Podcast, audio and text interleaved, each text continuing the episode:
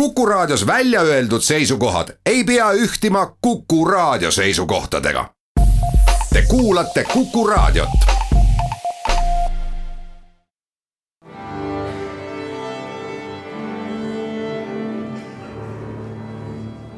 daamid ja härrad, Eesti Kontserdi saade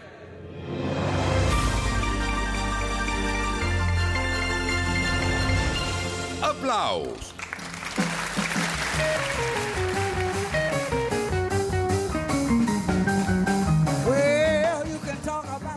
tere kõigile, aplaus on eetris, mina olen Lauri Aav Eesti Kontserdist, vaatame, mis saab kahe järgneva nädala jooksul, mis põnevat on tulemas, aga üsna selge on, et käesoleva nädala lõpp tuleb meil džässi rütmis. tribuut Ray Charlesile ja Stevie Wonderile. Madeleine Bell laulab ja kontsertgebau džässorkester Hollandist on teda saatmas ehk siis äh, sisuliselt sama asutuse džässorkester, kust kahe tuhande kaheksateistkümnenda aasta sügisel oli Eestis kontsertgebau sümfooniaorkester Amsterdamist.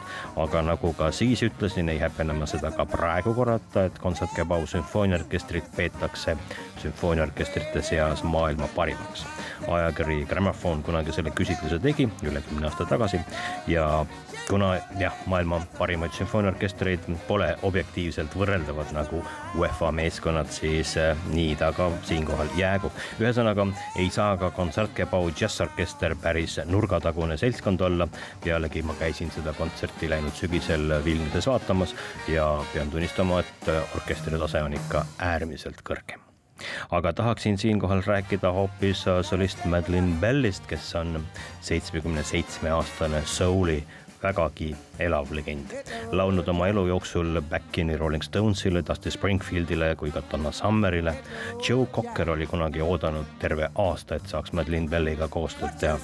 tema koostööpartnerite hulka kuuluvad ka Cliff Richard, Tom Jones, Elton John ja loomulikult ka nii Ray Charles kui ka Stevie Wonder, kelle lugusid ta sellel kontserdil laulab ja kellede kohta loodetavasti on tal palju põnevat rääkida ja üks äh, tore seik veel, tuhande üheksasaja kuuekümne kuuendal aastal asutati Madeleine Belli ametlik fännklubi, mille presidendiks oli alguses Dusty Springfield ja klubi liikmete hulka kuulus toona ka Elvis Presley. Igal juhul tulevad ägedad kontserdid sel reedel Vanemuise kontserdimajas ja laupäeval Estonia kontserdisaalis.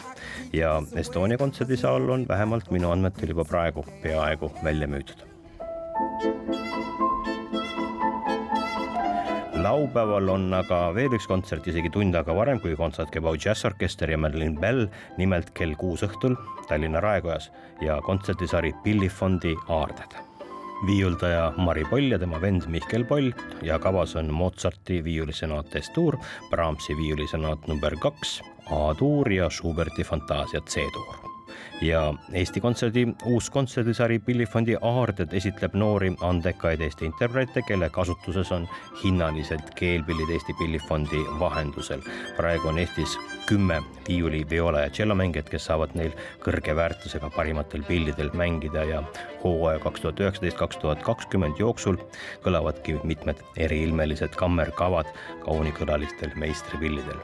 sari toimub koostöös Eesti Pillifondiga ja Mari Poll mängib tuhande seitsmesaja kahekümne kolmandal aastal valmistatud meister Nikolaus Gagliano viiulil. Mihkel Poll mängib nagu ikka sel samal Raekoja klaveril, mis meil seal on.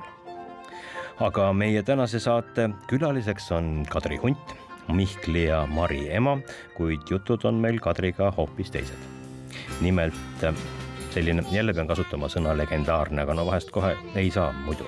ühesõnaga, Entel Tentel saab viiekümne aastaseks ja alustuseks ongi paslik Kadri käest küsida, et mis asi on Entel Tentel?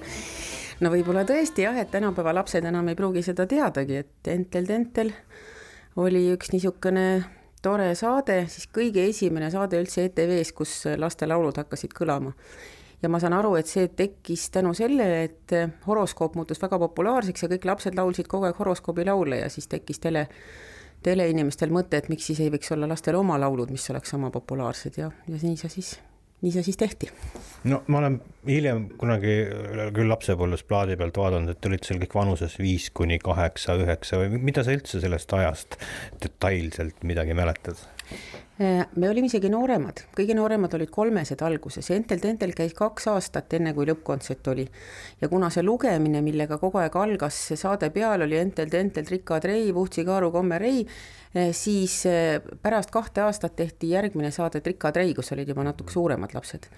aga Entel Tenteli alguses olin mina kolm, nii et ma sain siis neli ja siis viis, nii, aga, aga jah, minust olid mõned paar aastat vanemad, nii et see vanuse esimese aasta vanuserühm oli kuskil kolmest kuni viie-kuueni no mis oli see fenomen või uudsus, et üks laste lauluvõistlus tollal ühiskonnas nii palju vastukaja sai ja nii palju tähelepanu äratas? no sellele on väga lihtne vastata, rohkem ei olnud ETV kanaleid kui ainult üks nutitelefone ei olnud, arvuteid ei olnud, üldse telefone ka väga paljudel ei olnud, nii et eh, kui oli kas horoskoop tõesti või oli Entel-Tentel või oli veel mingi väga populaarne saade, siis olid tänavad tühjad, sest inimesed läksid koju televiisorit vaatama, järelvaatamist ju ka ei olnud.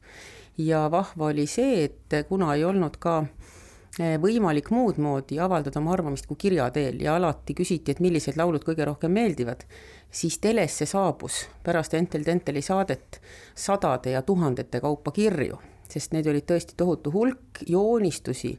et kui oli postkaart, siis oli seda lihtne lugeda, aga kui see oli pandud ümbrikusse ja kirjutatud, siis seda kõike pidi avama, nii et minu arust see postiteenuse töötajate osakaal siin telemajas oli sel ajal väga suur no Entel Tenteli selline suurim väärtus üle aegade ilmselt on need laulud, mida me praegu ka kõik peast mäletame. Nad on selles mõttes toredad lood, et nendel on olemas vahva meloodia ja tekst, et tänapäeval eh, on lastelaule väga erinevaid, mõni võib-olla on rohkem sõnade peal, mõni on mingi rütmika peal või mingi harmoonia järgnevuse peal, aga tollel ajal need esimesed laulud, mis tõesti nii spetsiaalselt olid kokku otsitud, olid meloodilised ja need tekstid olid ka kuidagi karakteersed, et nad on vahvad laulud. ma just mõtlen, et, et kas need laulud, mida meie oma lapsepõlvest mäletame ja meil on see nostalgia tunne selle juures, et, et kui nüüd seoses Entel Tenteli juubelikontsertiga sa õpetad neid tänapäeva lastele, kas, kas see kõnetab neid või mida nad sealt leiavad? Ma arvan, et kõnetab just sellepärast, et neil on, nendel lauludel on oma selline karakter, oma sisu ja no vahva on see, et mulle isiklikult, ma pole vahepeal selle Entel Tenteli peale mõelnud ja ma olen teinud nagu palju teisi ja minu jaoks võib-olla tähtsamaid või huvitavamaid asju. aga nüüd, kui ma, kui ma lastele neid kooriseadeid õpetan samadest lauludest, siis ma nagu lähen mingisuguse teise ringiga nende laulude juurde ja aeg-ajalt räägin neile, kuidas seda saadet tehti ja, ja kuidas need laulud Äh, siis seal saates kõlasid või kuidas inimesed reageerisid, et selles mõttes on mul muidugi vahva rääkida oma isiklikust kogemusest lastele ja siis äh, on veel selline lugu, et selline põlvkondadeülene kasvatuslik või, või geneetiline väärtuste ülekandumine, sinu isa oli helilooja ja kirjutas ka Entel Tenteli jaoks mõned lood. sinu lapsed Äh, annavad äh, nüüd sel laupäeval kontserti Raekojas absoluutselt teistsugustel teemadel. Mihkel Poll ja Mari Poll, aga on omal alal Eesti tipud. Äh, Katrin Kulli on nüüd Katrin Puur ja tema poeg Rasmus Puur on Entel Tenteli dirigent. noh, ma ei saa küsida, et kas see kõik on tänu Entel Tentelile või millest need asjad võivad kuidagi nagu lähtuda? üks asi muidugi on see, et juba keskajal ametid käisid ikka nagu Äh, põlvest põlve, et ikka käsitöölise lapsed nägid pealt lapsena, kuidas see käsitööline tööd tegi ja hakkasid sedasama asja tegema. Äh, mina olin lapsest saadik muusika sees ja minu lapsed muidugi ka, ehkki mina olin võib-olla rohkem popmuusika sees ja lapsed on klassikalise muusika poole läinud, aga ikkagi see muusikamaailm on meid ümbritsenud. ma ei, ma ei tea, kuidas kasvatakse muusikuks niimoodi, et tullakse mingist täiesti teise ameti perekonnast ja, ja mul on suur lugupidamine nende inimeste ees, kes suudavad ilma sellise koduse toeta. ometi seda juhtub ja juhtub jah, ja et tõepoolest kuskilt maalt, ma ei tea, talupidaja peres saadetakse laps muusika keskkooli, kus ta kasvab selliseks toredaks muusikuks, seda kõike juhtub, aga, aga just nimelt, et need peavad olema väga tugevad ja erakordselt andekad lapsed. aga mis puudutab seda põlvkondade seost Entel Tenteliga, siis, siis ta ikkagi natuke on olemas, sest eh, me salvestasime väiksema koosseisuga mõningad eh, orkestri põhjad juba, juba ära. Ja eh, nende sissemängijate hulgas üks viiul oli minu tütar Mari ja teine viiul oli tema klassikaaslane, praegune ERSO kontsertmeister Triin Ruubel. Ja siis oligi vahva, et need klassikaaslased, kontsertmeistrid mõlemad ja siis, kui Karumammi unelaulust juttu tuli, siis nad ütlesid, et nemad mõlemad oma sellistele natuke üle aastastele lastele kodus laulavad sedasama Karumammi unelaulu ja lapsed juba ise laulavad mõmm-mõmm vastu.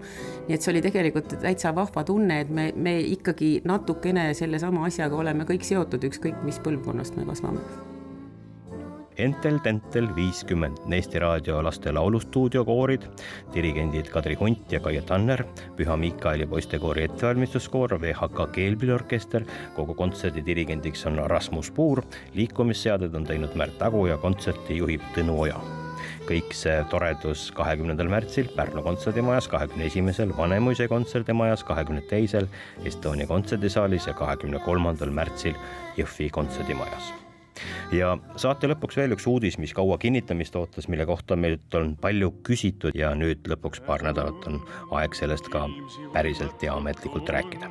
kahekümne esimesel märtsil Georg Otsa sünniaastapäeval ja juubelisündmuste tipphetkel etendub Tallinnas Alexela kontserdimajas Moskva Helikon oopera suur meenulavastus Mister Georg Ots.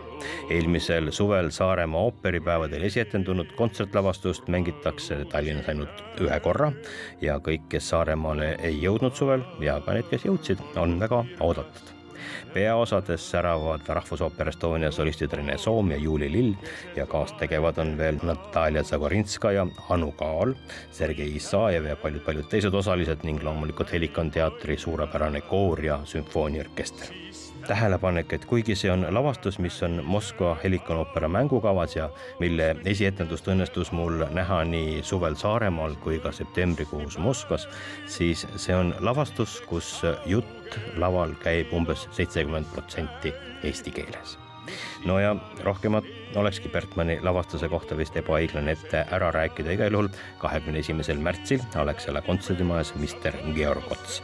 Ja see on nüüd ametlik info ja saab piletid osta meie kohtume teiega kahe nädala pärast, kõike paremat.